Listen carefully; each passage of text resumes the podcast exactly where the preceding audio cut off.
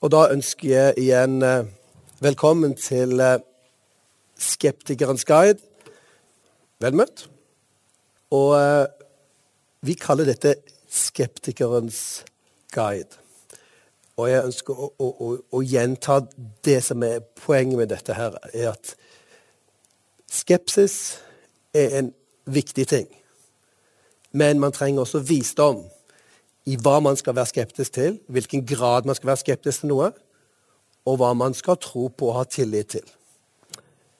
Um, og jeg vil hevde at på samme måte som vi har, vi har, ansvar for hva vi tror på, hva vi har tillit til, så har vi like mye ansvar for hva vi, hva vi er skeptiske til.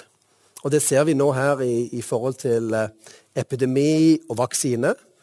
Um, både tillit til vaksinene og skepsis til vaksinene har enorme konsekvenser for samfunnet og for hverandre. Tro og skepsis har like store konsekvenser. Poenget er at vi er sunt skeptiske og sunt kritiske. Og Derfor tenker jeg det går an å være en, også som, som en kristen, eh, å være en reflektert skeptiker til veldig mye. Jeg ønsker å, se og høre gode grunner for det jeg tror på. Så er det også sånn at når jeg møter skeptikere og utfordrende spørsmål, så er min egen erfaring at jeg lærer alltid mye av det. Eh, både om min egen tro, om trosinnholdet, og om samtiden, og om de jeg snakker med. Så skepsis er en uh, viktig ting. Uh, og vi er utfordret fra Bibelen til ikke å tro hva som helst. Altså til å ha en sunn skepsis. Vi er utfordret til Bibelen til å komme og utforske og smake og kjenne. Det der er substans i, tåler utforsking. Like mye som en, en blind skepsis er usunn. Like mye en blind tro. Begge to kan være like farlige. Så det er en invitasjon til å utforske den kristne troen det er gjerne gjennom. Gjennom de utfordrende spørsmålene. Eh, og jeg har jo vært i bransjen med kristen formidling i veldig mange år. Eh, og, jeg kjenner behov for at vi som kristne eh, lytter til spørsmålene ut forbi og hjelper de som står ut forbi og syns dette er veldig rart, veldig vanskelig å tro. At vi går noen mil med de lytter til de spørsmålene og ser at de tingene vi tar for selvsagt, tar for gitt, er alt annet enn det. Men at vi kanskje gjennom disse spørsmålene selv oppdager nye dybder. Så er det altså I um, denne våren så er det en serie om skeptikerens guide til budene. Eh, og da tenker vi de ti bud. Vi skal ha fire samlinger her i, i vår, eh, og vi fordeler disse, de ti budene over disse fire samlingene i dag. Så har vi liksom en innledende samling i fokus på det første budet. Og her er det altså en invitasjon til å komme med de tøffe spørsmålene. Eh, jeg kommer til å ha eh, en første runde med noe innledning hvor jeg tar, eh, fokuserer på spørsmålet om hva, har Gud egentlig med moralen å gjøre. Som et grunnleggende spørsmål som vi ofte møter i dag og i vår kultur. Og så har vi en pause i midten. Før den pausen så får dere anledning til å stille spørsmål. Noterer jeg de ned, og så blir de også en del av den andre delen, hvor vi tar opp de utfordrende spørsmålene til eh, de ti bud. Så kan veld, veldig mange, avhengig av hvor vi selv kommer fra.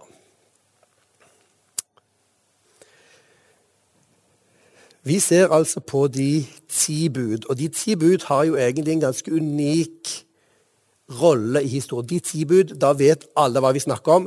Går du på gata, snakker om de ti bud, ja, folk vet omtrent hvor, hvor, retningen går. Hvis du spør dem om hva er de ti bud, så vil veldig mange stusse i dag. Det var noe vi pugget sant, på skolen i, i, i, vår barndom og ungdom. Eh, noen pugger det kanskje i dag også. Eh, men de ti bud er likevel et konsept så veldig mange vet. Ja, ja, de, de, de ti bud, vi, vi, følger jo de ti bud. Jeg er ikke kriminell, det er liksom de ti bud sånn cirka jeg lever etter. Litt er det min egen, min, min egen uh, måte, selvfølgelig. Men uh, ja, de ti bud kjenner vi. Hele den vestlige kultur har de ti bud en spesiell rolle og betydning, i hvert fall som konsept. Et helt annet spørsmål er om vi egentlig forstår de. Og om de egentlig skal forstås som regler. Det kommer vi litt tilbake til. Og så lever vi fortsatt etter arven fra Moses og Jesus. Mange snakker om at vi lever i en relativistisk kultur hvor hver har sin egen moral. Men følg dere med på i mediene, så synes ikke det å være tilfellet. For folk hisser seg veldig opp over moralske spørsmål. Tenk metoo-kampanjen. Tenk miljø. Tenk covid og vaksine. Folk engasjerer seg svært sterkt for moralske spørsmål, der de mener de har rett.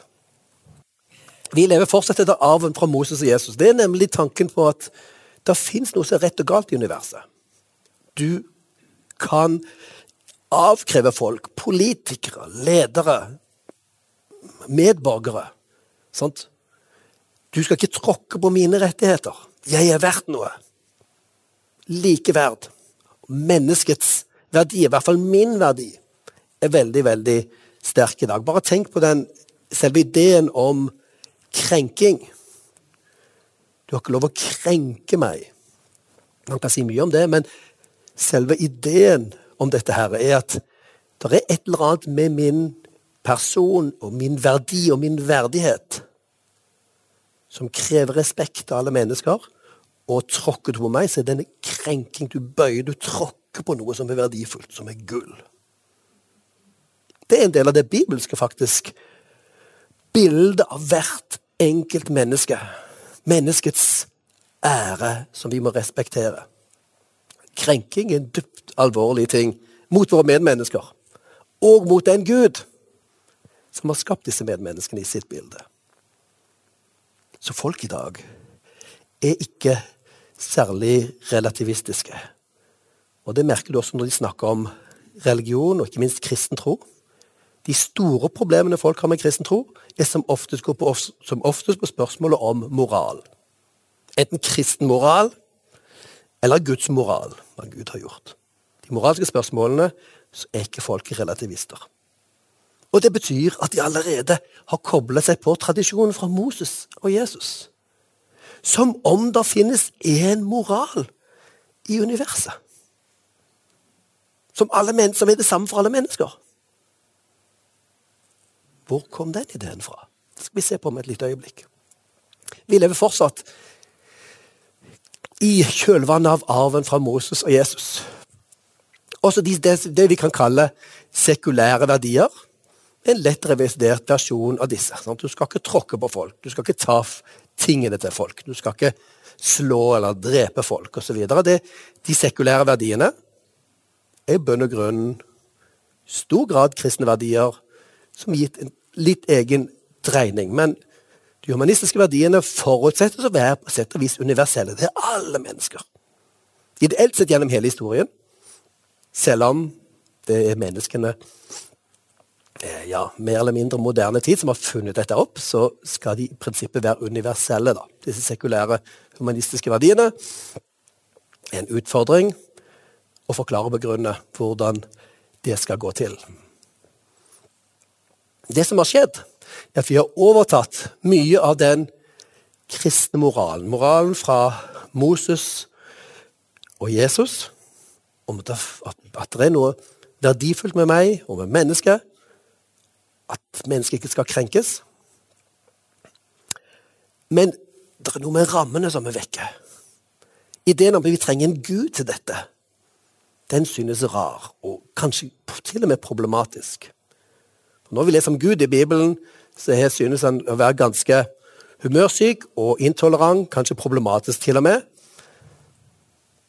Så vi ønsker å holde Gud ute, men holde essensen av moralen tilbake igjen. Og når vi snakker om, om f.eks. Uh, spørsmålet om uh, menneske, hva er nå et menneske, når blir vi et menneske? Ok, da blir man uenig når mennesket blir et menneske. Um, man er også uenig om hvordan man skal forstå grensen for seksualiteten. Så rammene for forståelsen er endret seg.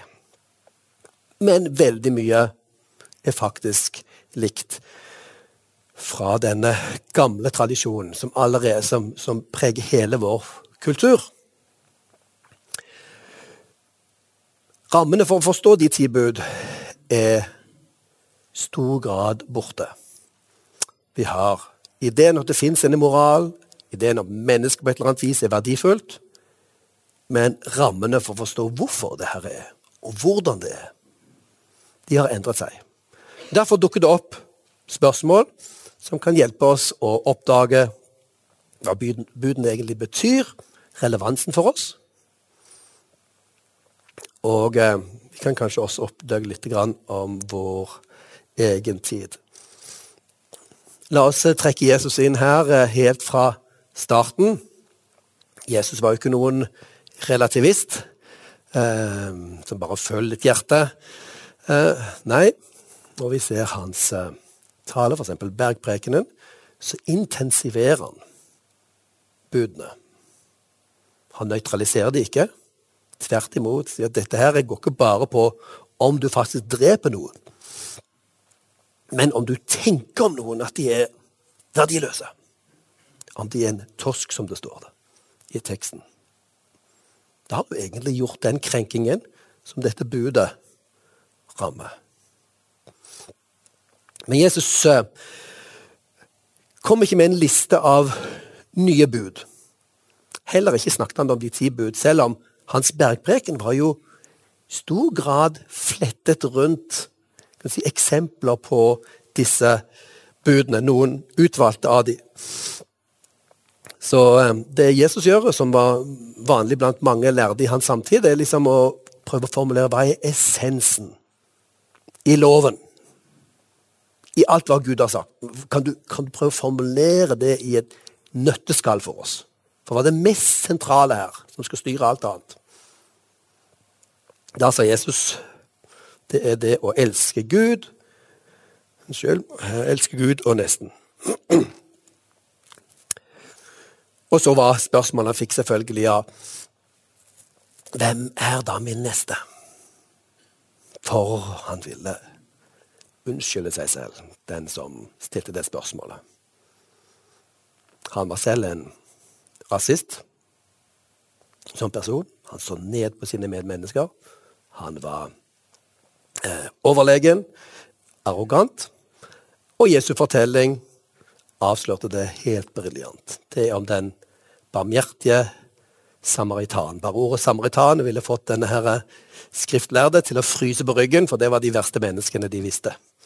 Det er den gode samaritan som kom som fortelling.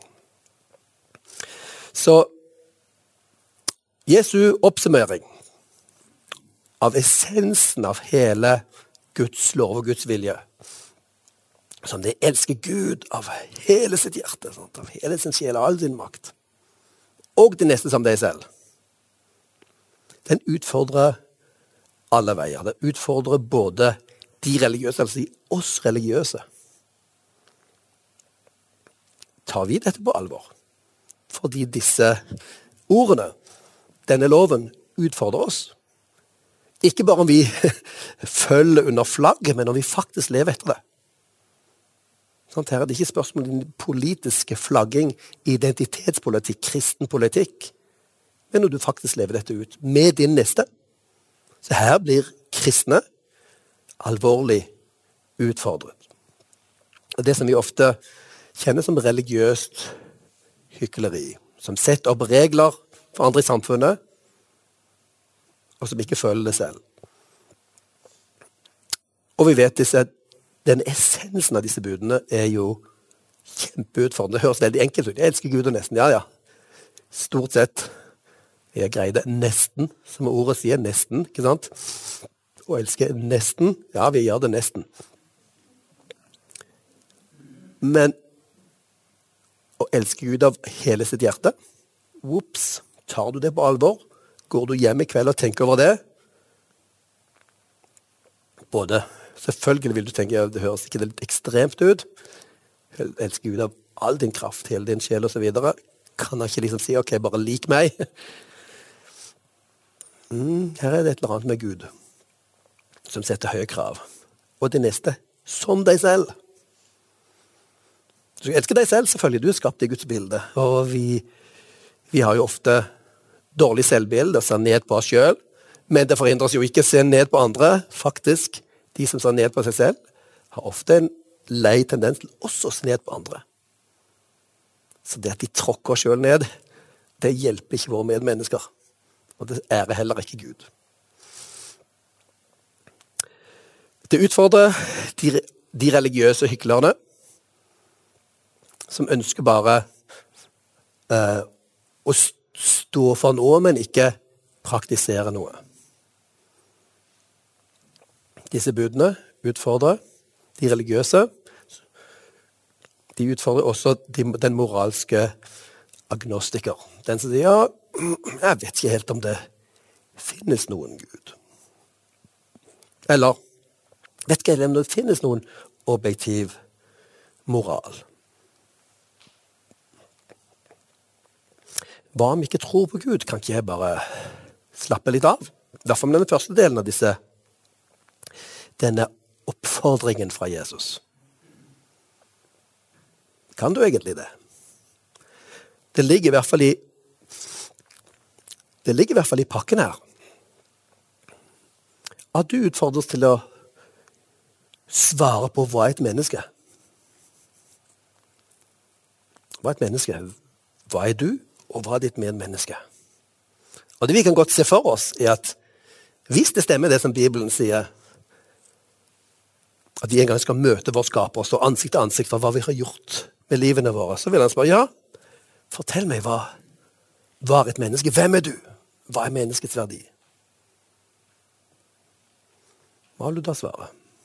Menneskets verdi. Det vil si din verdi, dine medmenneskers verdi. Har du behandlet deg selv og dine medmennesker sånn som du hevder?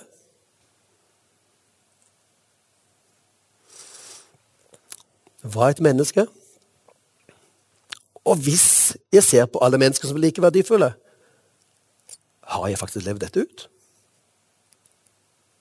agnostikere de trenger også å bli utfordret på spørsmålet 'Hvem er du?' Hvis du er agnostisk til det spørsmålet, da har du virkelig store ting å jobbe med. Hvis ikke du vet hva mennesket er Ja, det, det er jo kanskje det største spørsmålet vårt, og filosofene er ikke enige. Så det hjelper ikke å lese mer filosofi. Men dette stikker dypt i altså vår opplevelse av verdi og vårt behov for å bli bekreftet og verdsatt som menneske og kjenne vår verdi. Så agnostikeren blir utfordret av de ti bud. Hvem er Gud? Finnes Gud? Hvem er min neste? Hva er et menneske? Ta i det på alvor. Lev i det ut, det som vi faktisk hevder jeg gjør. Og jeg er egentlig så agnostisk når det kommer til meg selv. Når noen tråkker på meg og mine rettigheter, da går flagget opp. Det er kanskje ikke agnostiker. La oss eh, som en eh, Siden dette er en innledning til hele rekken av eh, budene, så la oss denne gangen lese de ti bud sånn som vi finner det i eh, Andre Mosebok kapittel 20. Det gjentas i 5. Mosebok kapittel 5, med nesten identisk ordlyd. Vi leser de fra det første gangen de dukker opp. Det er fra Andre Mosebok kapittel 20. Um,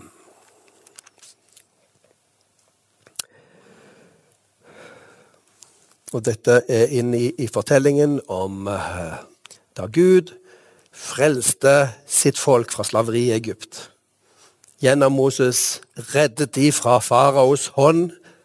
Gjennom Sivsjøen eh, reddet de fra faraos her. Tok de til ørkenen for å inngå pakt med de på det Sinai-fjellet, på fjellet der hvor Gud hadde satt de stevne. Og så Det var formålet med hele deres redningsaksjon. Tas fra faraos hånd inn under Guds vinger. De skulle bli Guds folk istedenfor faraos slaver. Og så kommer de ordene da Gud talte til dem. Gud talte alle disse ordene.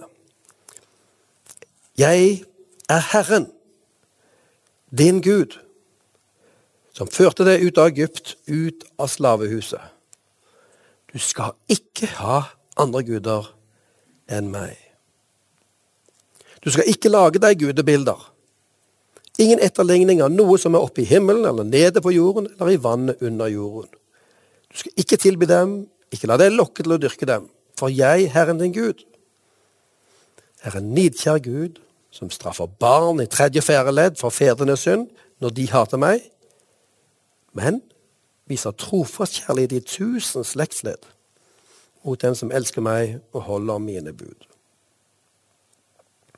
Du skal ikke misbruke Herren, din Guds navn.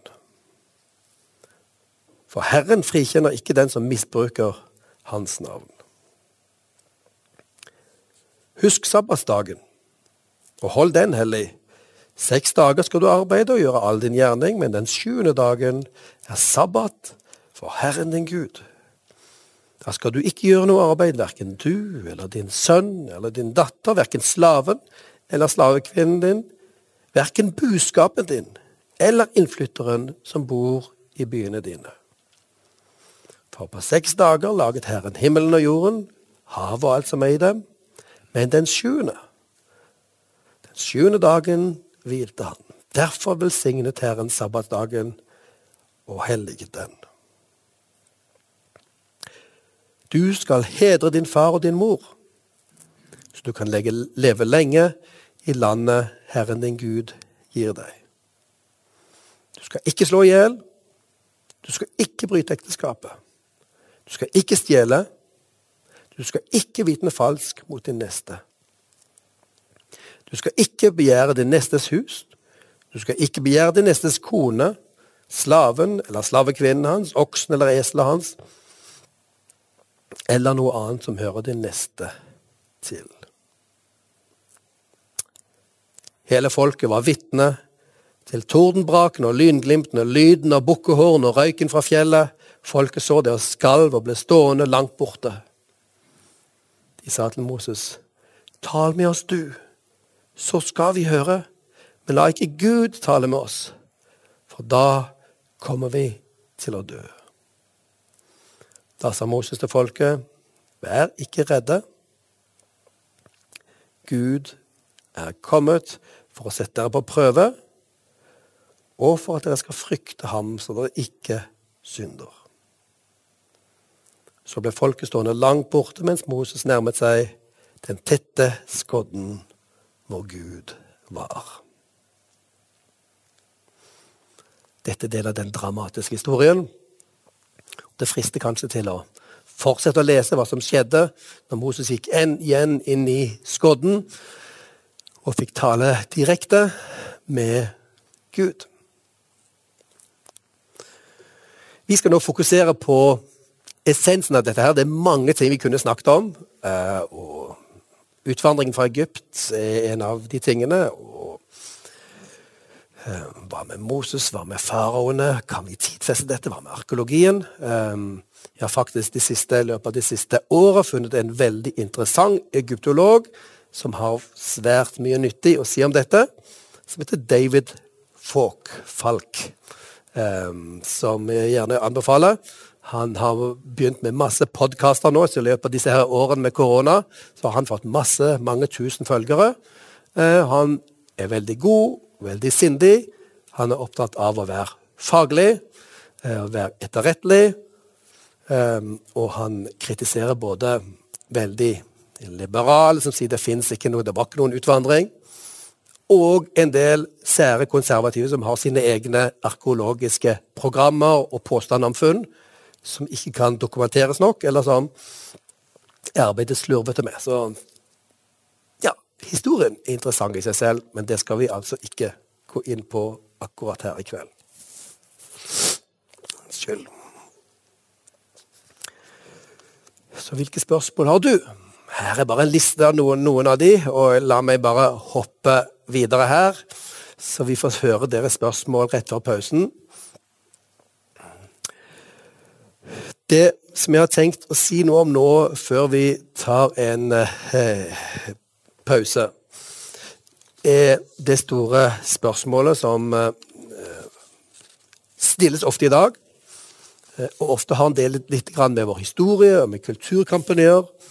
Og med moderne mennesker som opplever at den kristne troen har tråkket på dem. Religionen har vært en byrde. Det å komme seg fri fra den den store fortellingen. Og det er frigjøringen. Så derfor vil de gjerne ha koblet Gud fra moralen.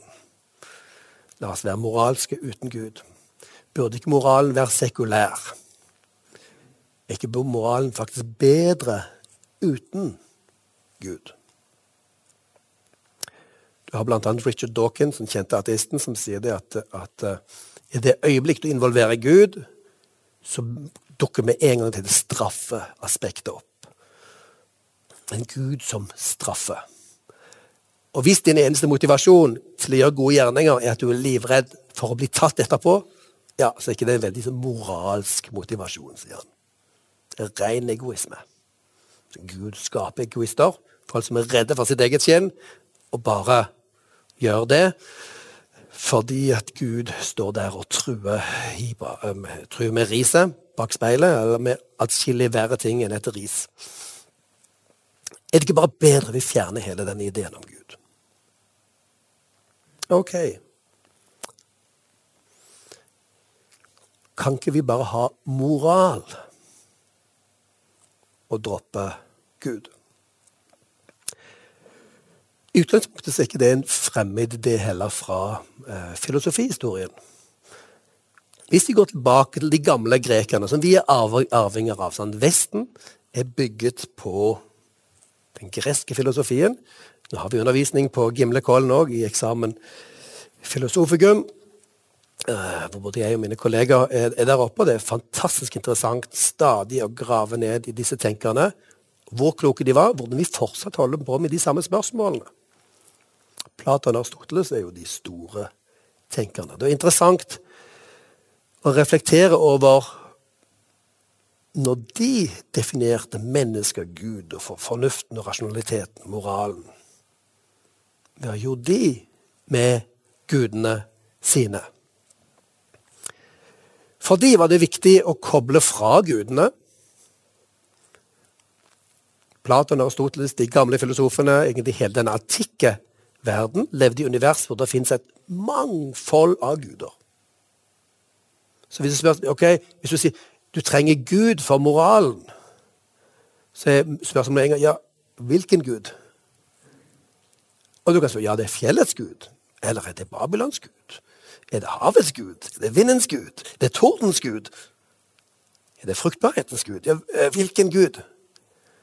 Og I det øyeblikket du får det spørsmålet, så, så, sliter du med å velge ut hvilken gud, og hvorfor akkurat denne guden skulle være forankring for moralen.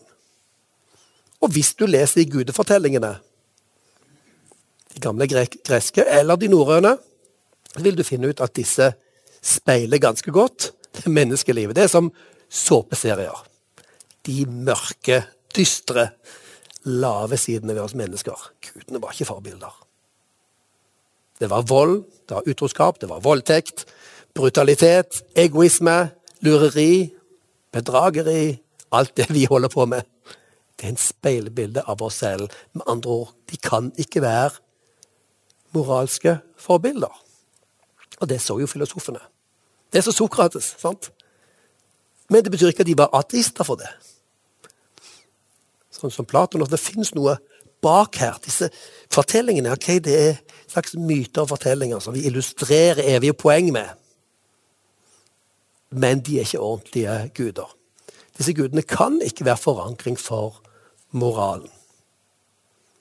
Så når moderne ateister ofte sier at vi må koble Gud fra moralen, så det er ofte med denne her, dette bildet i bakgrunnen at disse politistiske vesenene de må jo tas ut av filosofien.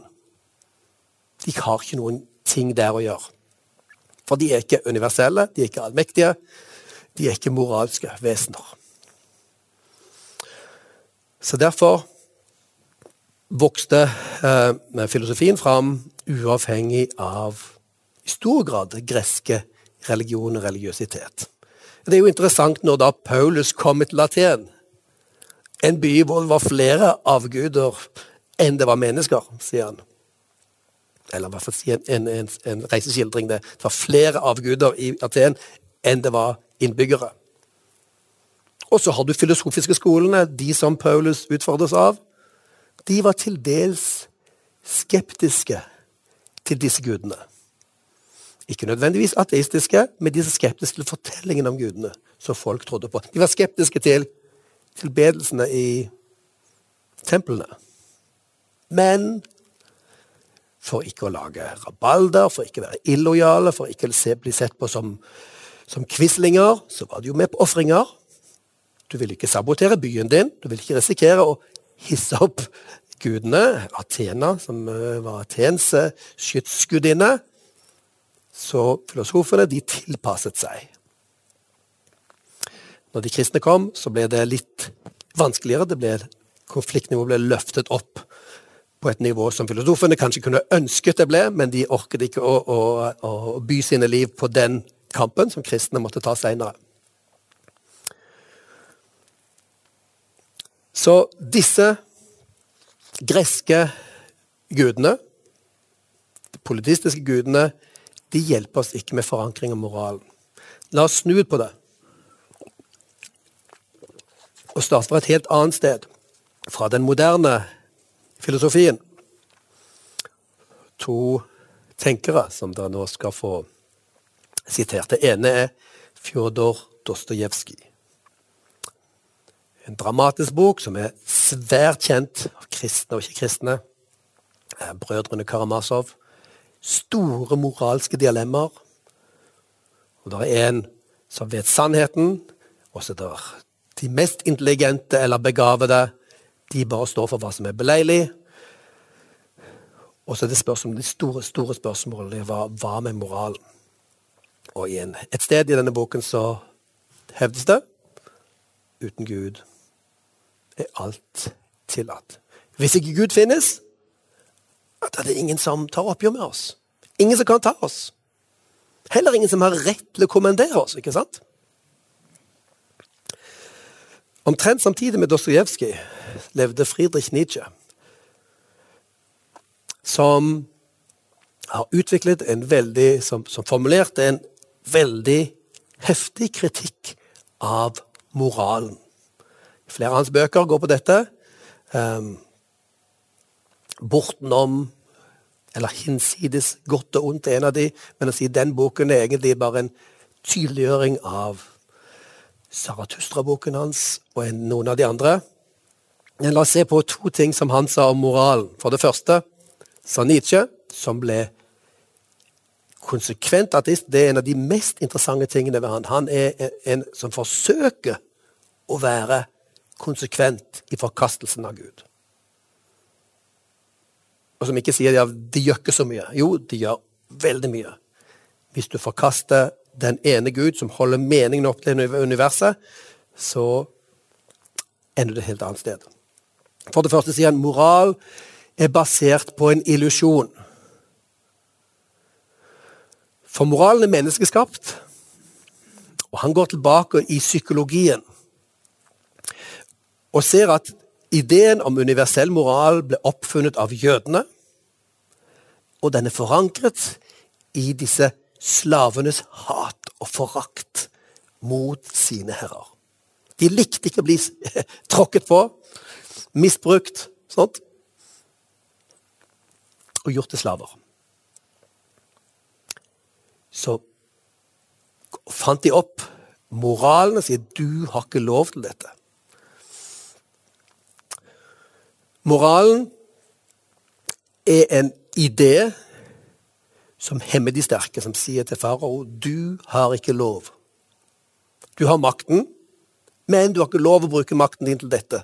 Så moralens vesen er å hemme de sterke, pålegge grenser. Der går grensen. Og skam for de som går over disse grensene. Denne psykologien er opphavet til den moderne skam. Skamideen. I hvert fall sånn som, som, Nietzsche fremstiller dette. her. Og han mener, eller Skam og skyld-ideen um, det er egentlig um, basert på en illusjon. Disse slavene var smarte. De har overtatt historien, sier han. Og helt inn i dette konseptet et helt nødvendig ting er monoteismen. Ideen om at det fins én gud, den gud som står over Egypts gud farao, og sier 'du har ikke lov til'. Det fins én gud som er herre over hele universet. Derfor har han rett til å si og kommandere alle i dette universet. Han legger til mer i disse ideene om universell moral, og også om likeverd. At slaver er verdifulle. Hvorfor skulle man tro det? I antikken var det ikke noen spesiell grunn til å tro at slaver var verdifulle. De kunne være mindre verdifulle enn dyr. Noe vi også opplevde i Afrika i min tid der. For de som, de som hørte til de eh, gamle, eh, gamle kulturene, gamle religionen, så var det ikke opplagt at kvinnen hadde verdi. Og når de kom på sykehus og fikk vite at eh, OK, vi kan redde din kone, hun er alvorlig syk, hun må opereres, men det kommer til å koste deg en ku. Så var svaret En kone kan alltid få meg. Det er mange av de, men kua mi får du ikke. Kua er min ære, det er min verdi, det er min status. Hva er menneskets verdi? Hvor har vi fått den ideen som er så opplagt? Nietzsche hadde det ikke opplagt. Det er en illusjon at mennesker har like verd.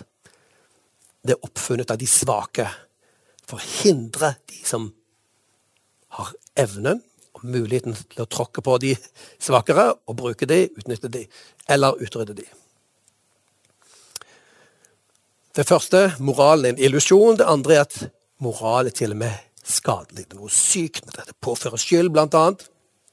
Men det som er verre, er at det hemmer det kreative, de, de frilynte, de frie kreftene, de sterke og livskraftige. Det er de vi burde dyrke fram. Det er det som er framtiden for menneskeheten. Hvis du hele tiden driver og diller med disse svake, så får du en svak menneskehet. Det vet du hvis du har en populasjon med dyr. Hvis du hele tiden driver og dikker rundt og gir medisiner til de svakeste, så får du en stamme som blir svakere og svakere. Så det skjer også med mennesker. Um, og Nietzsche mente vi burde dyrke fram det sterke. Det mest uh, livskraftige, mest kreative som finnes. Og en del av dette dreier seg om vår selvbestemmelse, som riktignok står litt i kontrast til Nietzsche sin idé om at vi er jo egentlig skjebnestyrt. Naturen styrer oss. Um, det fins ikke egentlig et jeg som styrer her, ok? men selvbestemmelse er i hvert fall viktig i én forstand, og Gud forstyrrer dette her. Så hele tanken om moralen forhindrer at mennesket kan utvikle seg mot noe høyere, sterkere og mer livskraftige livsformer. Og vi har dessverre sett dette her også utviklet i praksis. Sant? I den rasistiske teorien som nazismen sto for. Nietzsche var ikke rasist. Han var ikke antisemitt. Eh, men eh, Hitler koblet Nietzsche, Nietzsche sin eh, nihilistiske tenkning, og eh, tanken om overmenneske, som Nietzsche formulerte, koblet inn i sine realistiske sykevisjoner.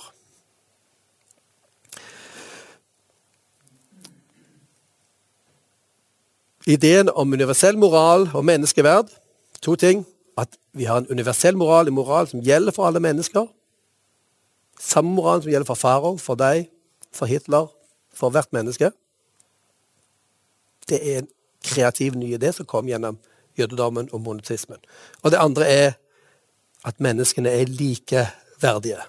Veldig rar idé. I antikken ville jeg synes det var veldig kontraintuitivt. De fleste vil si det, og at det var kanskje umoralsk å si det. Det krenker de mest verdige, si at slavene er like verdifulle som de. Um. Men dette er basert på monotismen. Dette bekreftes av um, moderne artister, bl.a. Friedrich Nietzsche. Han mener vi må kvitte oss med ideen om likeverd og universell moral, mener jo han. Uh, Jørgen Habermas, en, moderne, en av de viktigste moderne etikerne filosofene og sosiolog, han mener at som, selv som ateist og marxist så mener han at den ideen som vi har fra jødedommen og kristendommen om menneskeverdet og universell moral, det er en av de viktigste verdiene i moderne samfunn. En av de tingene som kan hindre den nye nazismens framvekst igjen. Vi trenger desperat men den kommer ikke fra ateismen. Den kommer fra denne jødiske og kristne tradisjonen. Også en filosof som John Gray, som er historiker i England, han sier denne ideen er en veldig merkelig, rar oppfinnelse. Vi burde bare kvitte oss med den. Det er overtro. Så han, John Gray kritiserer ikke bare kristendommen. Sant? Han kritiserer også humanismen. Humanistene er like overtroiske som de kristne. For de tror på menneskeverdet. Hvem i alle dager har fortalt deg at mennesket er mer verdifullt enn andre vesener? Det er ikke noe logikk i det. Hvis ikke du hanker inn den gamle jødisk-kristne tradisjonen. La oss uh, nærme oss noe konkluderende på dette området. Trenger vi Gud for moralen? Vel, det kommer litt an på hvilken Gud. Og hvis vi skal gå liksom litt på offensiven her For veldig mange tror at det å være sekulær eller være ateistisk eller være naturalistisk, at det gir en fordel i møte med spørsmål om moral. Da har du en utfordring. Stor utfordring. Vi kan eh, oppsummere dette her med å si at OK, hvis Gud finnes Den ene Gud, selvfølgelig, som vi snakker om jødedommen og kristendommen, som opphavet til det gode, og som forankrer menneskeverdet. Hvis han finnes, så er det en plikt å elske sin neste. Ok. Hvis ateismen er sann, hvis Gud ikke finnes, så er det å elske en valgmulighet. Det er bra om du gjør det. Kanskje vil noen si. Men hvorfor? Er det logikk i den ideen? For veldig mange mennesker tar det som en selvfølge. Men jeg tror, i møte med moderne, brune, rasistiske bevegelser, så trenger vi minne oss på tanken om likeverd er ikke noen selvfølge. Du finner ikke den fra vitenskapen, i biologien, noe sted. Du kan ikke begrunne den bare gjennom filosofi heller, for veldig mye filosofi vil undergrave den. Du trenger forankring for tanken om menneskeverdet, de stikker dypere. Før vi går til, til, til um, pause nå, så uh, vil jeg høre noen uh, spørsmål. La meg bare uh, si at vi har noen bøker her vi tar alltid med ressurser. Hvis dere hørte på, på nyhetene i dag, så, så har det kommet en ny forskning på dette med bøker kontra andre medier.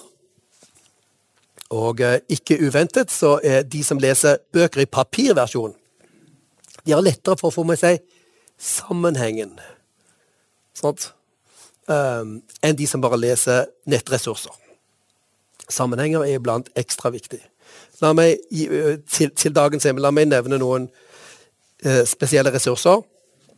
John Dixon, som var besøkte oss i Norge her i 2019. En uh, teolog, en uh, musiker, filmskaper. Fantastisk person. Han har skrevet en bok, 'En tvilers guide til Bibelen'. Han har også skrevet en bok som heter A Doubter's Guide to the Ten Commandments. Så en del av det en del av stoffet vi har nå, kommer til å være inspirert av John Dixon. Så Den boken har vi på Veritas forlag. 'Tvilers guide til Bibelen' er skrevet for å være en introduksjon til hele Bibelens bredde, men som tar opp de utfordrende spørsmål langs veien. For det er ting som vi ofte lar ligge, når vi som kristne nærmer oss Bibelen, så skal vi skynde oss igjennom. Vi må jo bare tro dette. Og så ligger det en god del uh, dype problemer. Uh, han hjelper oss på en veldig, uh, veldig, god måte til å ta tvilerens og den spørrendes perspektiv og begynner å sette ting i sammenheng.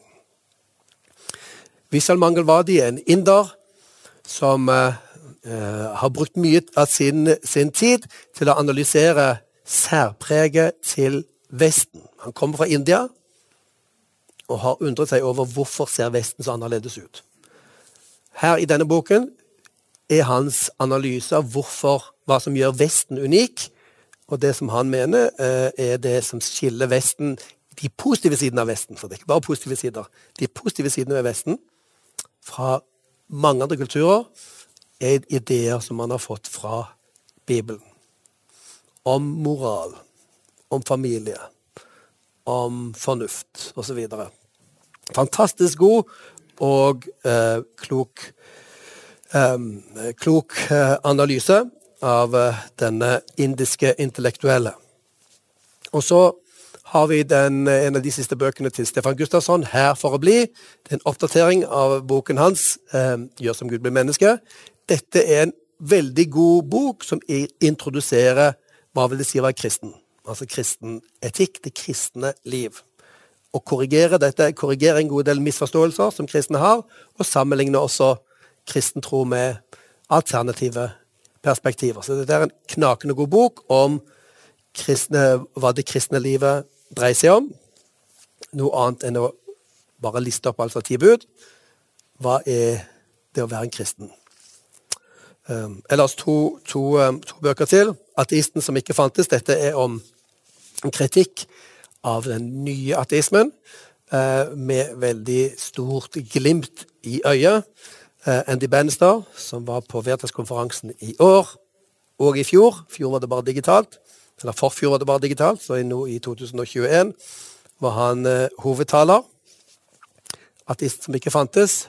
Om ateismens dårlige argumenter. Han er en veldig god eh, og morsom formidler som tar for seg ateismen her. Og vi som kristne kan godt, ha godt av av til å komme litt på offensiven. Og være de som stiller spørsmålene.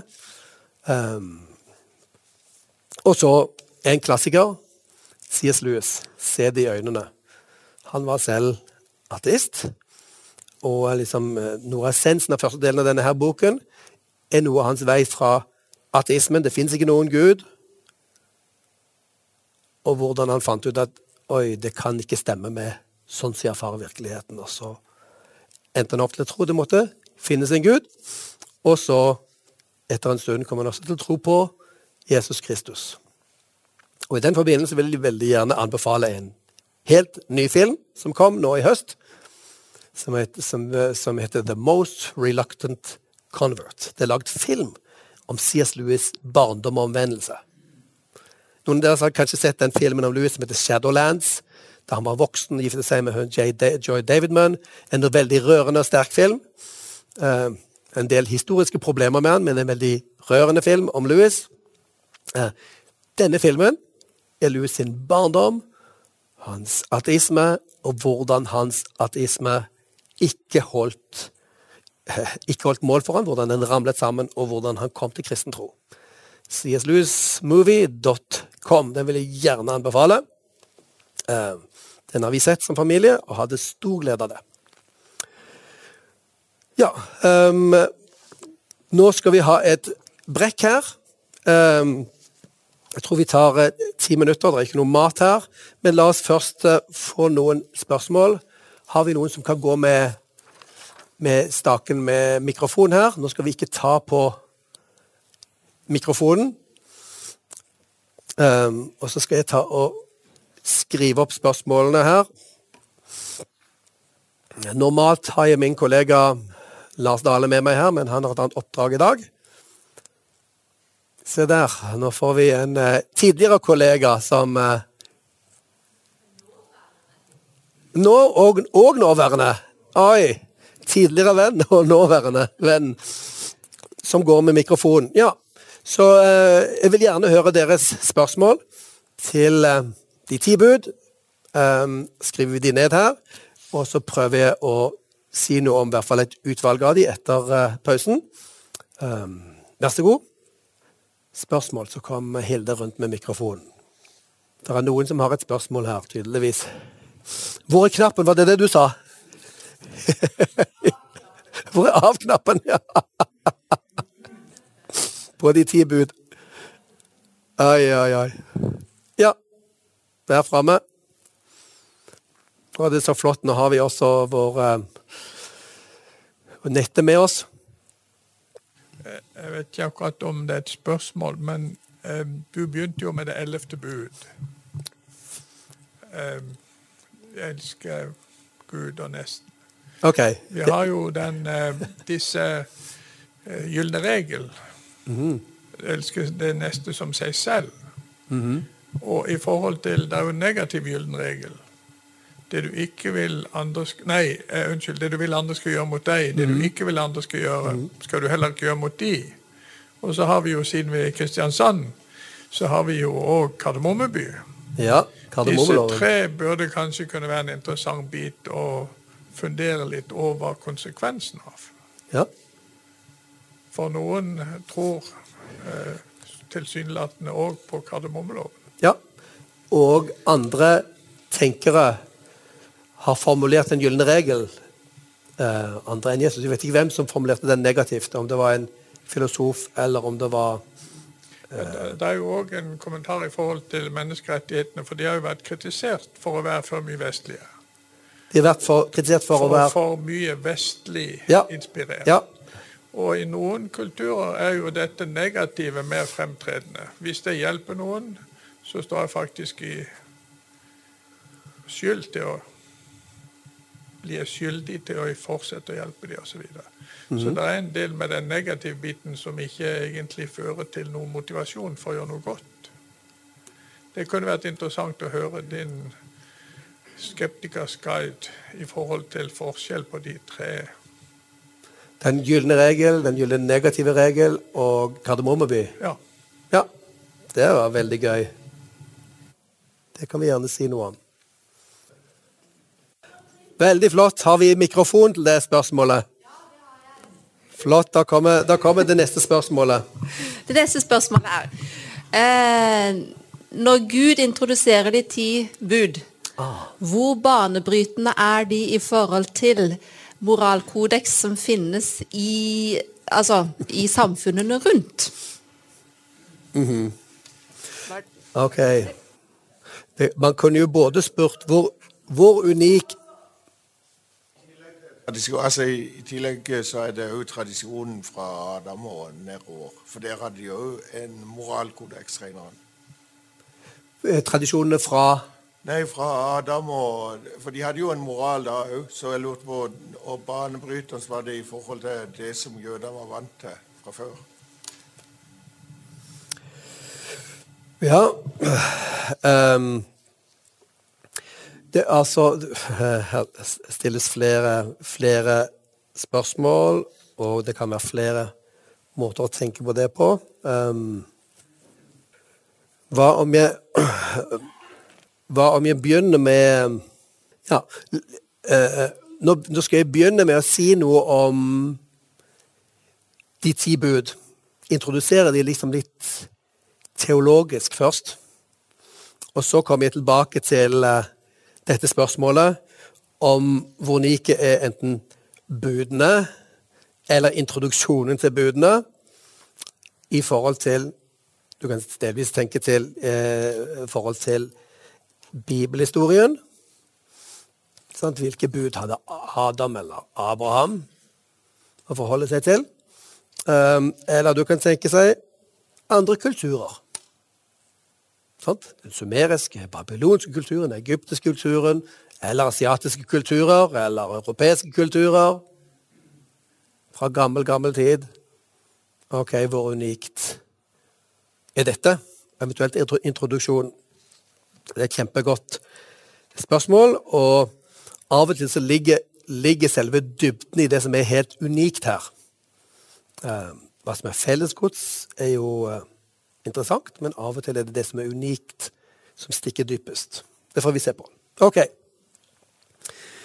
La meg først gå litt inn på uh, noen av de teologiske um, poengene i dette. Uh, og så skal jeg kommentere de spørsmålene. Så skal vi se om vi får gripe fatt i et par spørsmål til, som jeg sjøl har fått tidligere, og til og med forsøkt å gi noen svar på.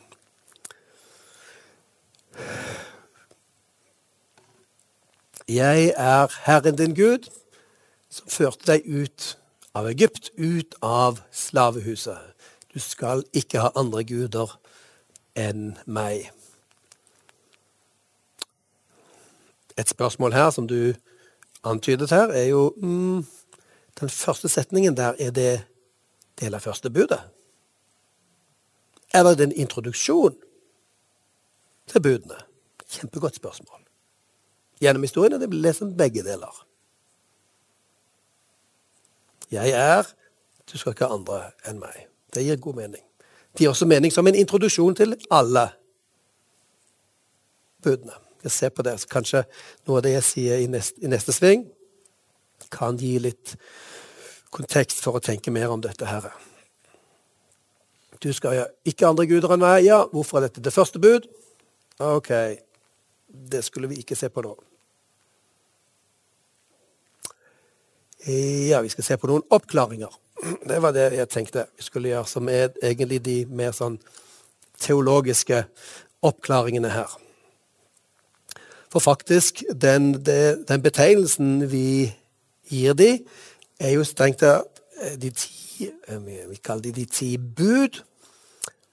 På grunnspråket hebraisk kalles de ikke bud, de kalles ord.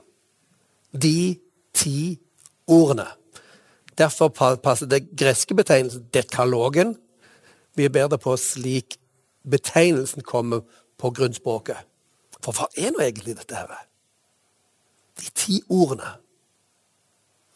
Og så Hvis du ser, ser rekkefølgen her, hvor mange av disse, så er det jo mer enn ti. Det er ikke opplagt hvordan vi skal dele det inn. Og, og, og, og katolsk, luthersk, ortodoks, jødisk tradisjon har ikke samme inndeling. Det er Noen av dere vet det. sant? Noen kobler sammen du skal ikke ha andre guder enn meg med billedforbudet. Så du får Det er ett bud. Andre, for å få tallet ti, kobler sammen de to siste budene. Som du skal eh, ikke begjære til nestes eiendom.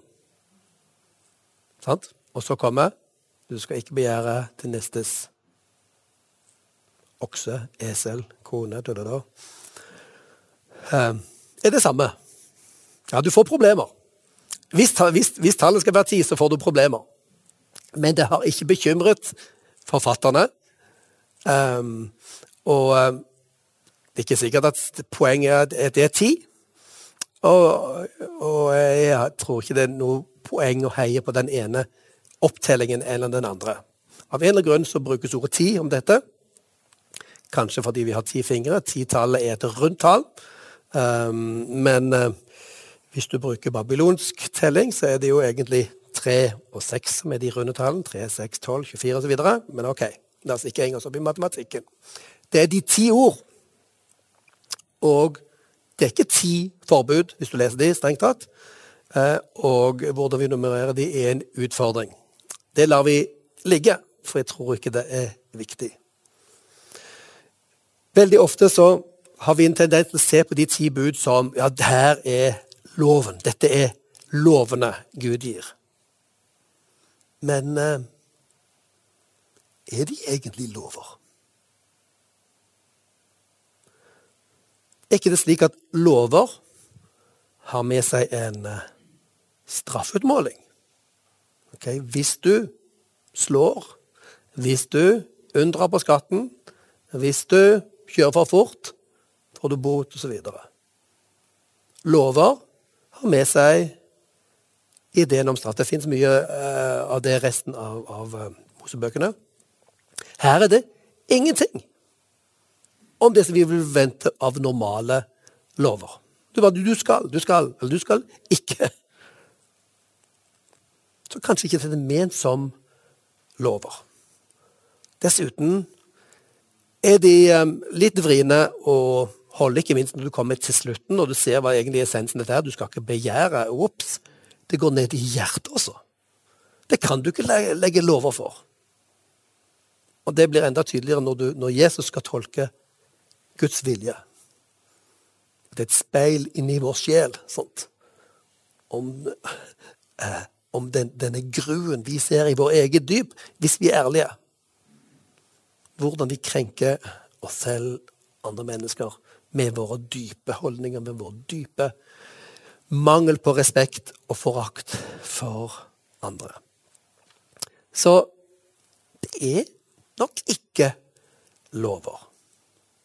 Noen snakker om vi burde ha disse lovene for, for, for, moderne, for den norske stat eller for Amerika. I Amerika det er en svær del av kulturkampen. Og mens jeg, mens jeg uh, forberedte meg her, så så jeg Foundation for Freedom from Religion hadde en svært interessant eh, artikkel om dette med de ti bud. De ti bud har jo vært så viktig i den si, amerikanske religiøse uh, er In God we trust, og de ti bud, og sånn og så videre. Og hvis du da teller etter så er det vel bare syv av de ti Eller tre av de ti budene som faktisk er en del av jussen, lovene, i den norske eller amerikanske staten. De andre, andre er ikke del av staten sitt lovvesen. Som sier noe om obs, kanskje ikke det er, skal forstås som lover heller. Og der ledes vi inn på et riktigere spor når vi bruker ordet pakt. Pakt er en bindende kontrakt. Det var liksom eh, den relasjonen som også er eh, Du spurte om det var som er unikt.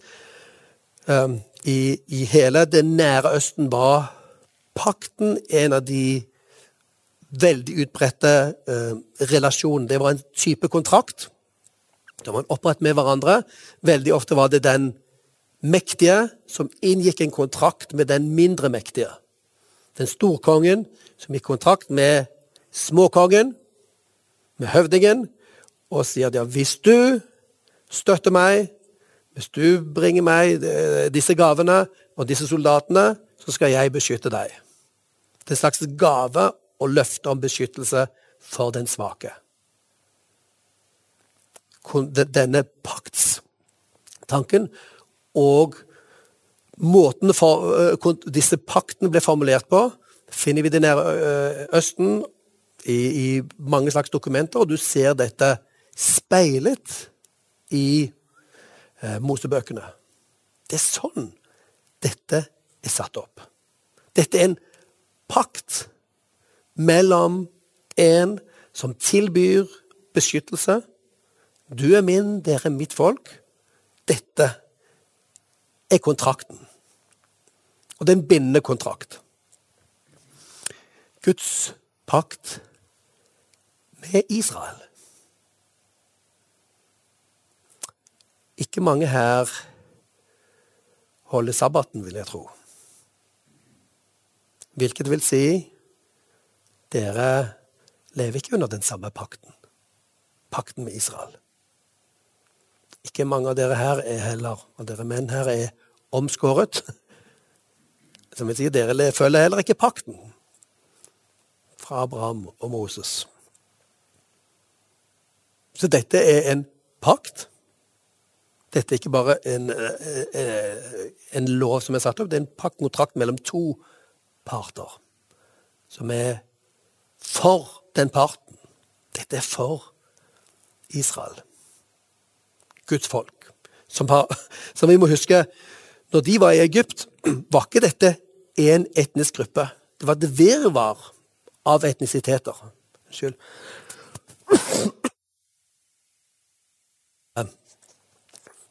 Det vi ville kalt etiopere, sudanere, tyrkere, altså hetitter En virkelig blandet hop med folk som ble brakt ut her, som fulgte Moses, og så ble en del av dette. Det var ikke en etnisk gruppe. Det var en religiøs, sosial konstruksjon som Gud skapte der gjennom denne pakt og kontrakten. Multietnisk. og det er, litt, det er litt interessant å tenke på når vi ofte tenker på jødene blir redd. Nei, det var en svær gruppe. Det var sitt folk, Abrahams etlinger, men mange hang seg på. Og vi vet mange av de av Abrahams ja, slekt gifte seg jo inn der de var, og tok med seg sine inn i dette folket. Det er ikke en etnisk, men det er en religiøs identitet. Og så står det at Moses ga det de to tavlene. Jeg tror dere ofte har hørt at de to tavlene er den ene tavlen om relasjonen til Gud. Første buden inkluderer det fjerde budet om helligdagen. Vi, vi kaller det ikke sabbaten, for da ville vi med en gang avslørt at dette ikke er så veldig aktuelt. sant? Vi kaller det helligdagesbudet, og resten av budene er den andre tavlen. De to tavlene. Det er en pedagogisk nyttig måte å skjelne hvordan Gud her definerer to ulike relasjoner. Sant? Til våre medmennesker på den ene, og til seg selv på den første. Men de to tavlene som ble lagt inn i eh, det vi kaller paktkisten, de var nok ikke delt inn sånn. Det var nok to, fordi i en pakt har du to parter. Så når du går og, signerer kontrakten om lånet med banken, så skal du ha et kopi, og de har et kopi. To parter, to tavler. Vi står begge to sammen her. Det er de to, eh, de to um, tavlene. Og så trenger vi å tenke igjennom OK Hvor ble disse oppbevart? Det tror jeg er en særdeles viktig nøkkel til å forstå hva de, disse ti ordene er ment som. Vi har allerede uh, Ja, vi, vi, har allerede um, antydet at de er lagt inn i paktkisten. Kisten var en, en, en kiste um, det, som var det, det, plassering i det aller, aller helligste, der hvor gudestatuene normalt skal stå. Der ble denne kisten satt opp med kiruber på toppen, gullokk. Um, og oppi dette her blant annet de ti bud pluss manna pluss denne mandel, eh, mandelstokken til Moses. Hvorfor ble de plassert der? For å oppbevares? Nei, dette, denne kassen er bærbare kisten. Du skulle bære den i, i stolper. Og hvis noen av dere har vært i museet i, museet i Kairo, så har dere sett uh, Tutankhamon sin kiste, paktkiste. Kjempeinteressant. Um, David, David Falk, som jeg nevnte um, i begynnelsen, han har skrevet en svært bra bok om paktkist, Bibelens paktkiste og relasjonen fra denne til det egyptiske bakgrunnsteppet, som er svært interessant. Også hvis du tenker på forfatterskap av Mosebøkene. Hvis du ser for deg at man sitter og skriver Mosebøkene i Babylon, 500 før Kristus. Hvordan kunne det være at de hadde sånn detaljkunnskap om Egypt 1000 år før? Åssen hadde det kommet inn? Helt borti en annen kultur som de ikke hadde kontakt med hverandre. Ok. Funksjonen til denne kassen var at det skulle ses på som Guds tronstol. Fra det stedet hersket Gud over sitt folk, og så over hele universet. Hvordan hersker Gud? Jo, han gjør det med prinsipper som styrer.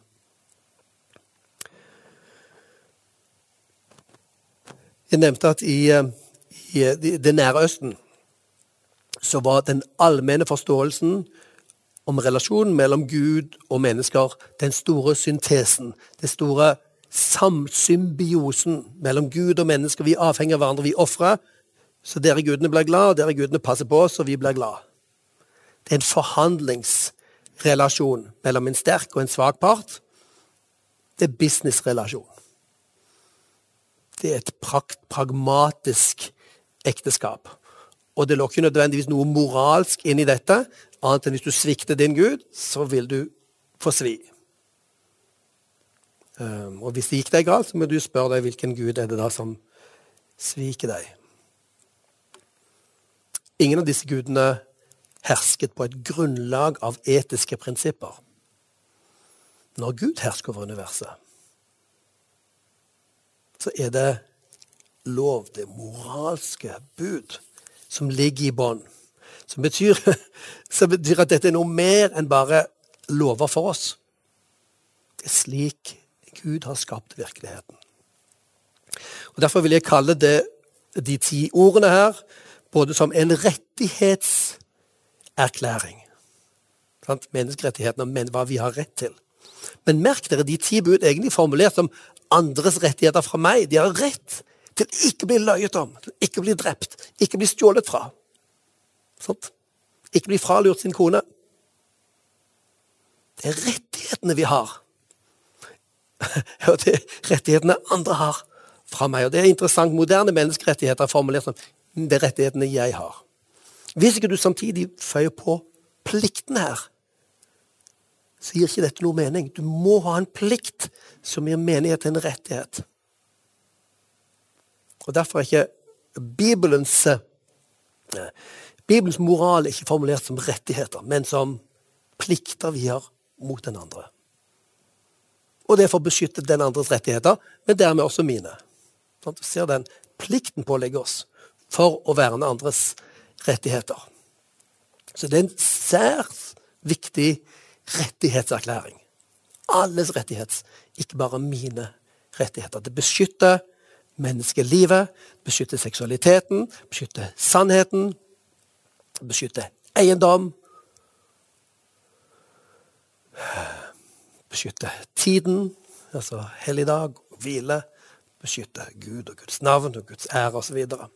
Rettighet, eh, formulert som andres rettigheter, mot meg. Du skal ikke. Og dette tror jeg er nærmere bånden i dette her, de ti ordene. Dette er Guds selvåpenbaring. Nedi her, nedi denne kisten, finner du rettigheten til frihetsbrevet. Ingen har rett til å tråkke på deg. Men grunnen til den rettigheten er at du har en plikt til ikke å tråkke på andre heller. Sant? Så den er alltid dobbel. Slår tilbake på oss selv.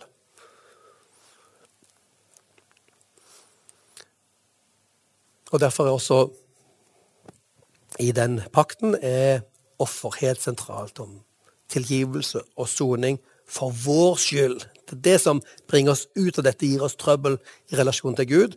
Hvis det kan sones, hvis det kan bekjennes, bringes til Gud og sones for, så kan det gjøres opp. Um, og så kan relasjonene repareres igjen. Det er det vi kaller forsoning med mennesker og med Gud. På dypet så er dette Guds selvåpenbaring. Gud åpenbarer hvem han er for oss. For eh, mennesker i antikken var gudene veldig ofte mysterium. De fremtrådte som krefter sant? fra naturen eh, på ulike vis. Hvem de var, var ofte litt mystisk. Hva var egentlig agendaen? Kan du stole på de? Hva skal de egentlig ha? Hva er det de krever? Det kunne du ikke vite.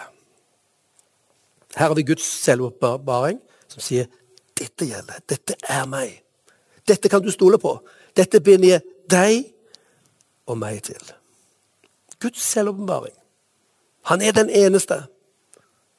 Han som har det hellige navnet, som må respekteres og ikke erstattes med noe av guder, og skapt mennesket sitt bilde, som derfor må respekteres, osv. Så, videre. så dette er Guds selvåpenbaring, og samtidig som gir Israels identitet. Når vi ser det på den måten, så blir de ti bud mye mer enn en liste av regler for oss. sant? Det blir en dyp kobling til virkeligheten. Gud har skapt virkeligheten sånn at respekterer vi ikke sannheten, så vikles vi selv inn i døden, forbannelsen. Det har han gjort også med hvem han selv er, hans navn osv. Det er velge valget mellom livet eller døden. For Gud så har livet en form. Det er ikke bare en kraft, men det har en form. Respekterer vi formen, lever vi inn i denne pakten, så vil våre liv blomstre. Sant? Når vi sviker her, så bryter vi ned dette her. Og vi trenger erkjennelse, bekjennelse, offer, soning, forsoning. Og så er vi tilbake igjen og respekterer formen på denne frigjøringen og koblingen til virkeligheten. Og så kan vi gå over til noen interessante spørsmål som dere hadde. Dette var liksom min, mine teologiske oppklaringer. Um, og at vi trenger å tenke på de ti bud som mer enn bare regler. Faktisk som noe helt annet enn regler. Det er mer dypere. Det er Guds åpenbaring av seg selv. Det er, Hvis vi forstår de rett, så er det rettighetserklæring, menneskerettighet, mot meg fra andre. Som er en interessant variant av de moderne menneskerettighetserklæringen. Så har vi fått noen veldig gode spørsmål. Eh, og det første spørsmålet jeg tar opp, er jo da spørsmålet om ja, hvor unik er denne her innledningen 'Jeg er Herren din Gud', som førte deg ut av, av, av Egypt, ut av slavehuset. Eh, hvis du ser på andre former for pakter i Det nære Østen, den som finnes en mylder av, så vil du nesten alltid finne en introduksjon. Hvem er du, hvem er jeg, hva er vår historie, hva har ført oss sammen her? Så introduksjonen gir god mening som en introduksjon, og så følger dette her. Formen passer godt. Og hvis du leser hele, hele, um, hele femte Mosebok, og det er noen som har argumentert for at formen på femte Mosebok den passer inn fra før 1100-1200 før Kristus, og ikke etter dette. Så den som har skrevet Femte Mosebok, synes å være preget av kulturen før denne her tiden. I rekkefølgen hvordan jeg introduserer fortellingen, hvem det er, om budene, og om vitnene, om straff som følger. Rekkefølgen på de, de var ikke identiske gjennom historien.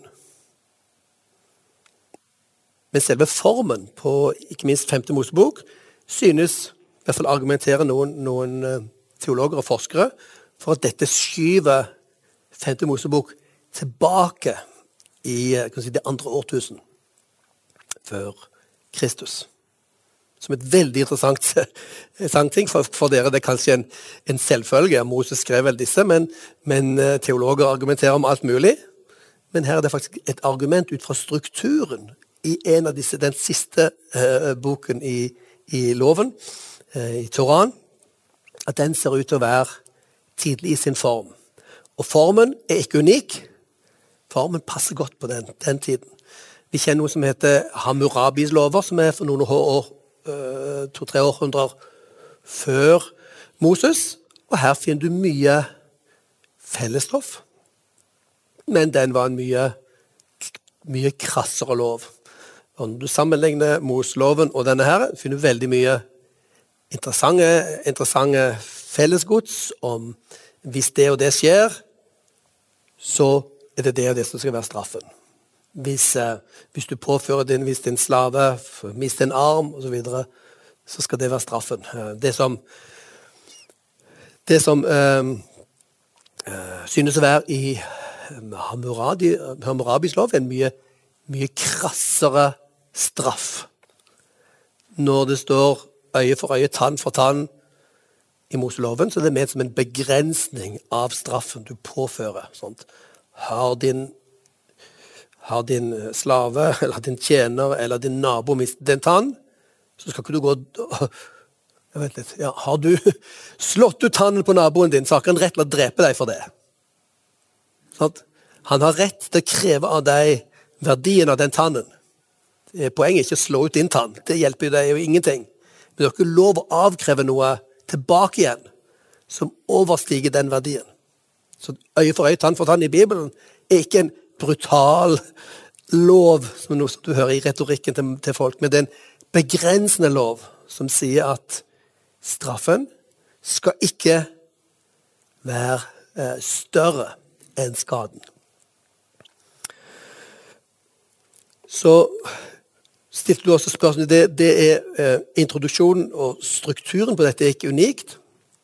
Men hvordan dette er gjort, er selvfølgelig unikt. Og det er ingen andre folk og nasjoner som har opplevd at Gud har kalt de og talt til de sånn, brakt de ut av en, en, en, en historisk katastrofe og skapt de som et folk, og la de leve i et land med den historien vi har. Helt unik historie. Og det er et under at, at det folket som vi kaller jødene, lever til og med den dag i dag.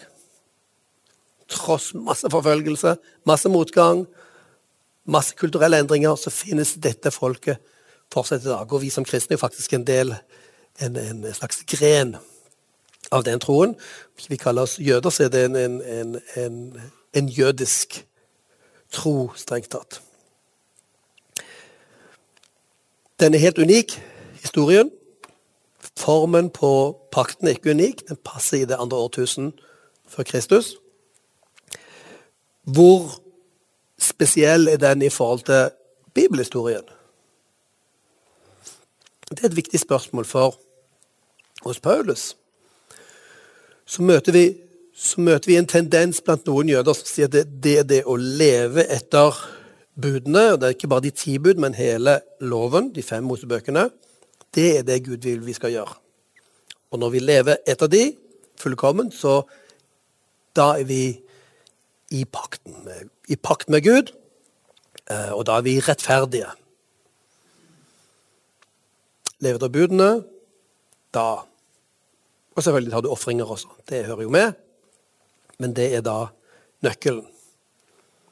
Og dette er noen av de kristne som også får ideen om. det er liksom dette i Galaterbrevet, annet. Og ja, ok, de kristne de må også følge Moseloven som betyr omskjærelse. Den kommer egentlig helt fra Abraham. da, og så De ti bud, spiseregler, klesregler, gjesteregler, samfunnsregler osv. Kristne må følge disse. Og da går jo Paulus amok. De holder på å gjøre kristendommen til en liten jødisk sekt. Og sier Paulus nei, Kristus kom for hele verden. Du trenger ikke først bli en jøde for å bli en kristen. Jesus har oppfylt loven. Og brakt oss en ny pakt. Den gamle pakten binder ikke oss lenger. Men vi kan lære mye av han. Jesus har oppfylt loven. Så, så um, før Moses Hva da? Før Moses hadde ikke folk budene. Ikke de ti bud. Men fortsatt levde de med Gud. Riktignok, disse trosheltene våre var noen ganske Ja, de er ikke noen forbilder. Ikke særlig mange av de. Abraham dukker opp som et forbilde i hvert fall én gang når han forlater sitt, sin kultur i Ur, Kaldea, som var en svær sivilisasjon. Store verdier, bysentrum, trygghet. Forlater han det kjente. Faren hans, tydeligvis, hele familien, forlater dette til et sted som han ikke aner noe om, til folk han ikke har. Et sted han ikke har, i tillit til Gud. Og så står det et sted, og Gud tilregnet han det som rettferdighet eller uskyld. Det bruker Paulus som argument. Når du er da rettferdig for Gud eller uskyldig, uten skyld for Gud, så er det et regnskap hos Gud. Tilregnes rettferdighet. Du tilregnes uskyld. det er sånn som vår gode uh, venn Håkon Nilsen fortalte om disse som sto med, med denne boka hvor du gikk på landhandelen, hadde skrevet inn og fått på konto en del, og så, og så hadde du ikke pengene, og så strøk han ut. Du, det betales av noen, du tilregnes ikke lenger skyld. Det er en av nøkkelen, sier, sier Paulus. Ikke fullkommen lov, og så tilregnes vi Jesu rettferdighet. Ga det mening? I, hos Paulus i Romerne 1 så sier han også at, at uh, de uten lov kommer til å bli dømt uten lov. De som ikke visste hva Gud uh, sa til oss, de som ikke kjenner Kristus. ok, De blir dømt ut ifra det de kan vite. Og så er Paulus' argument at mm, folk vet mye mer enn de innrømmer. Hva med det spørsmålet hva er et menneske? Reagerer du moralt når du blir tråkket på? Hvis du gjør det, hvorfor har du sett du har tråkket på andre mennesker? Hvorfor lever du ikke det, etter det som du selv krever av andre? Det kan Gud kreve av oss. For det som vi snakker om som vi snakker om dommens dag, som vil være rettferdighetens dag. Har vi levd etter det som vi sjøl hevder og faktisk dype oss har et håp om er sant. At min verdi, mine rettigheter, finnes et sted. Har vi respektert disse? Så, så loven er skrevet i våre hjerter, et ord som brukes, men det er ikke Moseloven. Men vi vet noe er galt. Vi har ikke alltid ord for det. Vi kan, kan ikke alltid begrunne det. Men til og med hedningene diskuterer, argumenterer med hverandre, anklager hverandre. Aha, de har en samvittighet. De har en moralsans um, som dømmer de.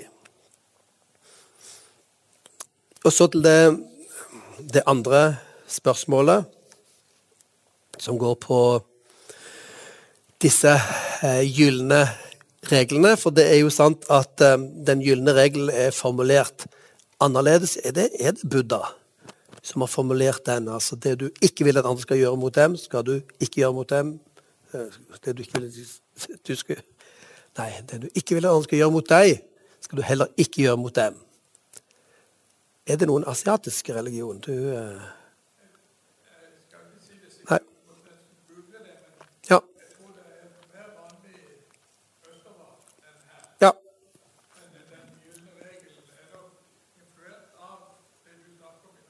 Mm, ja. Den som vi bruker, er influert av at det du, du, skal gjøre mot andre, det du vil de skal gjøre mot deg, er den aktive formuleringen som Jesus formulerer. Som er svært mye mer krevende sant, også. Um, og kanskje, som du antydet i, i pausen også, at, at, en asiatisk type moral og livsholdning er litt mer tilbaketrukken, ikke, ikke involvert for mye i de andres liv. Du har jo noen som har forestillinger også om karmaloven osv. Du må sone din karma, ikke bland inn og forstyrr disse universelle lovene med å hjelpe folk for mye. Hold det litt på avstand. Mens med Jesus kommer hele trøkket på Hvis du vil noe, du trenger noe, Da, må du se hva den andre også trenger, og respektere det. Så det er interessant den, eh, at det er en positiv og en negativ formulering av den.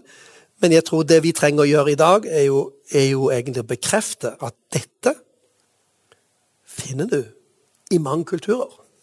Folk har en sans. Om ikke, dette, om ikke de vet at dette er en universell lov, så syns dette er vakkert. Jeg skulle ønske det i hvert fall var sant. Sånn at man har en drøm og en lengsel. Og et sinne og frustrasjon over at moral blir tråkket på. Til og med misforstått moral. Så det er en, en, et vitnesbyrd om at Gud har lagt moralen, samvittigheten, sin lov i våre hjerter. Som ikke betyr at alle tingene vi har i våre hjerter, er riktig. Men det er en grunnsans der, en grunnlengsel, som egentlig bekrefter at vi vet hva som er rett. Vi vet at noe er galt, ikke minst. Vi vet at andre gjør gale ting. Og det avslører oss. Alle er vi enige om at andre gjør noe galt. Hvis du er enig med meg i det, da har Gud noe å snakke med deg om på dommedag. På den store dag. Kanskje til og med i dag. Og så dukket eh, eh, også vår gode lokale kardemommelov opp her. Kardemommeby. Det liksom et lite Kristiansand i et nøtteskall? Vær snill og god. Um, ja, nå skulle vi jo kanskje hatt en uh, hjelp til å, å formulere den. Um, hvordan er du skal ikke skade andre, du skal være snill og grei? Nei. Du skal være grei og snill, og ellers skal du gjøre som du vil. Aha, tusen takk. Ops. Burde kjenne kulturen. Dette har jeg kunnet før. det er en del av vår barndom. Og merk dere, merk dere i dette universet. Det er et svært moralsk univers. Det er noen ting du skal gjøre. Noen ting er snille, noen er slemme. Sant? Ehm, men uh, hvorfor? Og hvem definerer grei og snill? Sant? Uh, og vi ser jo dette i dag i, i diskusjonene om mennesket, menneskets verd, ikke minst livets begynnelse og livets slutt. Ja, hva definerer egentlig dette? her? Og så ser du de intellektuelle, de som har vært borte og smakt på Nietzsche. Ganske mange av de moderne, moderne filosofene er sterkt influert av broder Friedrich Nietzsche, som vi nevnte. Som stiller store spørsmål til om, om moralen egentlig er noe som er del av virkeligheten, eller om det er noe mennesket bare konstruerer. Og så dermed kan dekonstrueres og rekonstrueres, inklusive menneskeverdet. Det er et stort spørsmål. Og kardemommeloven den synes å forutsette at alle er snille, at vi vet hva som er rett og galt, og at hvis vi vet hva som er rett og galt, så gjør vi det rette. Det synes å følge i, i, i fotsporene til eh, Sokrates som sier at, eh, at uh, hvis du vet hva som er rett, så kommer du til å gjøre det. Dermed er det egentlig kun opplysning du trenger, så blir du et godt menneske. Der var ikke Paulus enig. sant? Uh, og vår egen erfaring kan kanskje avsløre oss. Du vet hva som er rett, og så er det så vanskelig å gjøre. Så det var et litt for, litt for overfladisk syn på mennesket, på virkeligheten og på ja, hvordan forankrer vi dette? Hva når folk er uenige i Kardemommeby om hva som er rett og galt?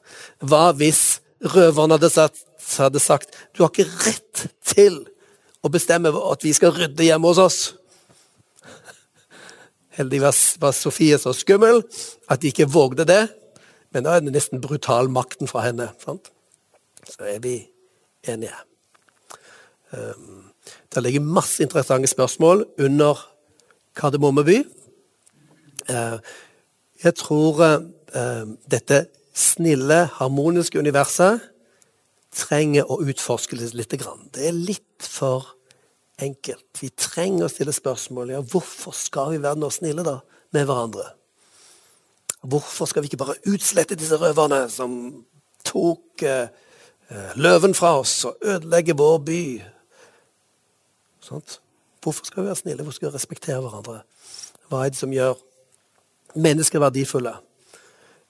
Det sies ikke noe om. Det forutsettes. Og så forutsettes det dette snillistiske synet på mennesker, at vi er egentlig bunn og grunn snille alle sammen. Som jo er en del sannhet. Sant? Det er noe godt Gud har lagt ned i oss. Vi vet, eh, vi vet noe om det gode, og Gud har lagt noe vakkert i alle oss. Men så vet vi hvor vanskelig virkeligheten er. Og det vet alle som jobber med helse, psykiatri, teologi, sjelesorg, eller med seg selv. Så eh, Kardemomme Kardemommeloven, mm, den er kjekk nok, den, men den, den tåler ikke liksom at du stiller spørsmål. Den tåler ikke dypere refleksjon om mennesket, forankring av dette. Og hva hvis de var uenige? Må bare Sofie skrike høyere?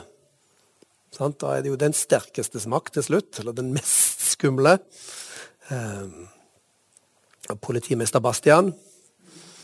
Han var jo ikke særlig skummel, eh, men eh, fikk tingene til å gå opp på slutten ved på mystisk vis.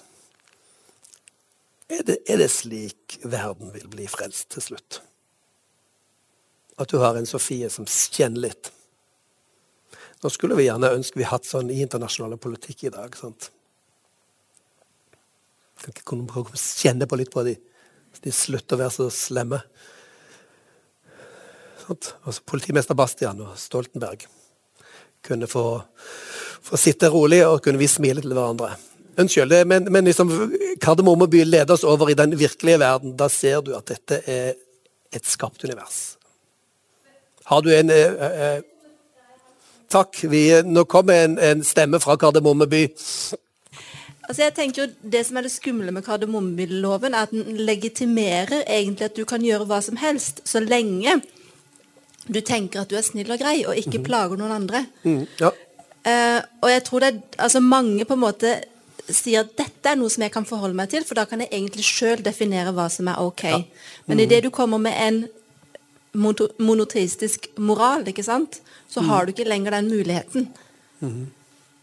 Og det, og, ja, så, så, jeg tror det er mange som er mer påvirka av kardemommeloven enn det de tror, og de tyr til den ja. for å slippe å forholde seg til en kristen moral, f.eks.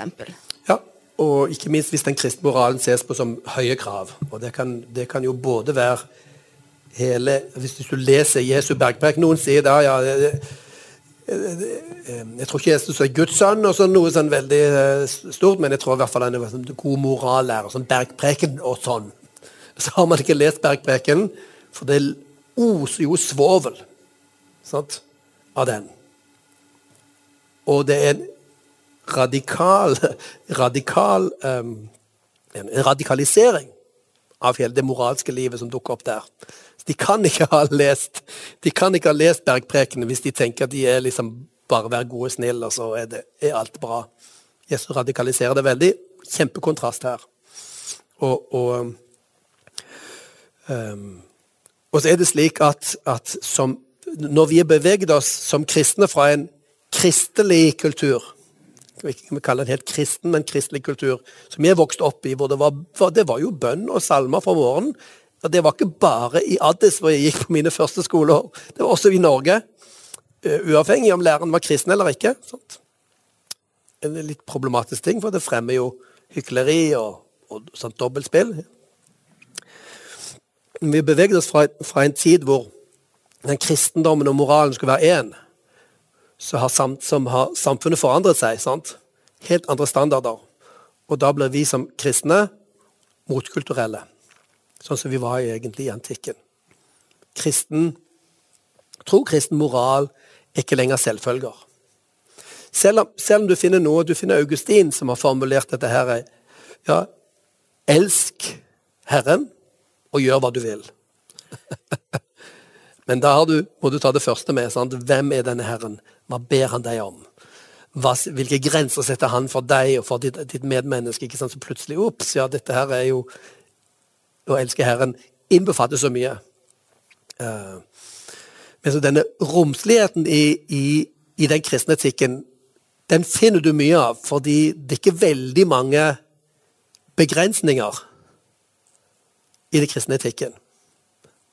Det er, det, altså, ingen, ingen, er jo veldig opptatt av å fjerne budene om å stjele, drepe og lyve. Sant? Men synet på ekteskap har endret seg. Sant? Det, der, det, er liksom det, det, man er uenig om nå. Spørsmålet er hva er mennesket, hva er seksualiteten vår? Og dukker opp selvfølgelig at ja, hva er et menneske? Er foster et menneske? Et gammelt Alzheimer-menneske? Er det et menneske, eller kan vi være litt friere til å definere det som noe litt annet, hvis, hvis vi har økonomiske eller filosofiske grunner til å gjøre det? Ok, her er en hånd til. Mikrofonen uh, vi har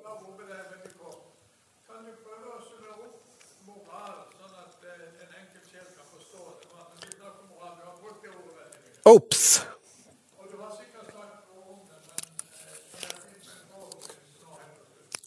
Ja.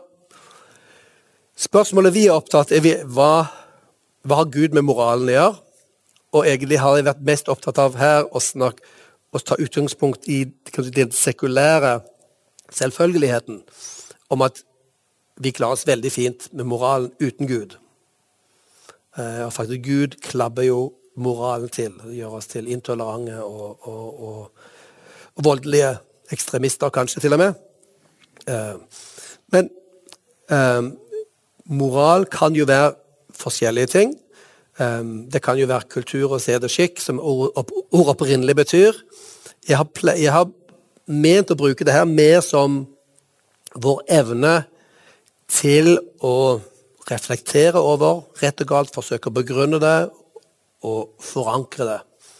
Så moralen som det aspektet ved oss som er opptatt av rett og galt, og, og, og, og hva som er godt, og hva som er dårlig. Um, så det er det, det, moralske aspektet ved oss som er noe annet enn bare det fysiske. sant? materielle eller biologiske. Som er noe annet enn bare spørsmål om sannhet også og de gamle grekerne. Vi har ikke kommet så mye lenger enn de. De snakket om de tre transcendentale De tre transcendent, transcendentals, for å si det på engelsk. De tre transcendente eh, si, virkelighetene. Det er det sanne, det gode og det skjønne. Det sanne har med rett og galt å gjøre. Det er sant og ikke sant å gjøre. det gode har med rett og galt det moralens aspekt. Kan vi si at noe ikke bør være sånn? Det er det grunnleggende spørsmålet. Hvis du sier at noe bør være annerledes, så henter du inn en standard som bedømmer virkeligheten sånn som den er nå. Den standarden må komme ut forbi virkeligheten din på et eller annet vis, som du bruker. Og Spørsmålet er hvor henter vi den? Og det siste er det skjønne. Det sanne, det gode, skjønne. Eh, og min eh, gode kollega, kollega, filosofen Peter S. Williams i Southampton han er veldig opptatt av at det vil du finne igjen gjennom hele Det nye testamentet, gjennom hele Bibelen. Det sanne, det gode og det skjønne. Det sanne som er fornuftens sted. Det gode som er moralen, sted som er sentralt om oss. Det skjønne om våre lengsler og vår sans for ja, Guds herlighet osv. Alle disse aspektene finner du stadig igjen, og veldig ofte sammenviklet. Eh, og moralen hører altså til det aspektet ved oss og virkeligheten som forsøker å bedømme rett og galt. Og vi har god grunn for å tenke at Gud er forankret i dette, og troen på en Gud kan hjelpe oss og troen på Gud er også med på å legge på oss de pliktene Ikke bare løfter løfte fram rettighetene vi har, men de pliktene som pålegger oss for, eh, for at livet skal blomstre, og livet skal bli bedre. Og da takker jeg for i kveld for eh, stor tålmodighet. Velkommen til neste gang, som er i februar. Jeg mener at det er den 16. februar. Det er det vel. Skal vi se her. Vi får det på plass. 16. februar, 16. mars. På den 16. februar så ser vi på andre og tredje bud. Og ta med dere spørsmålene som dere får innimellom, både til hele budlisten og til disse budene vi skal ta, foran oss, ta for oss. Så vær med og del det også på sosiale medier, så flere kan få lov å være med. Det er en stor ting um, med hvor heldige vi er i vår tid med disse mediemulighetene våre. Ha en uh, god kveld. Uh, velsignet aften.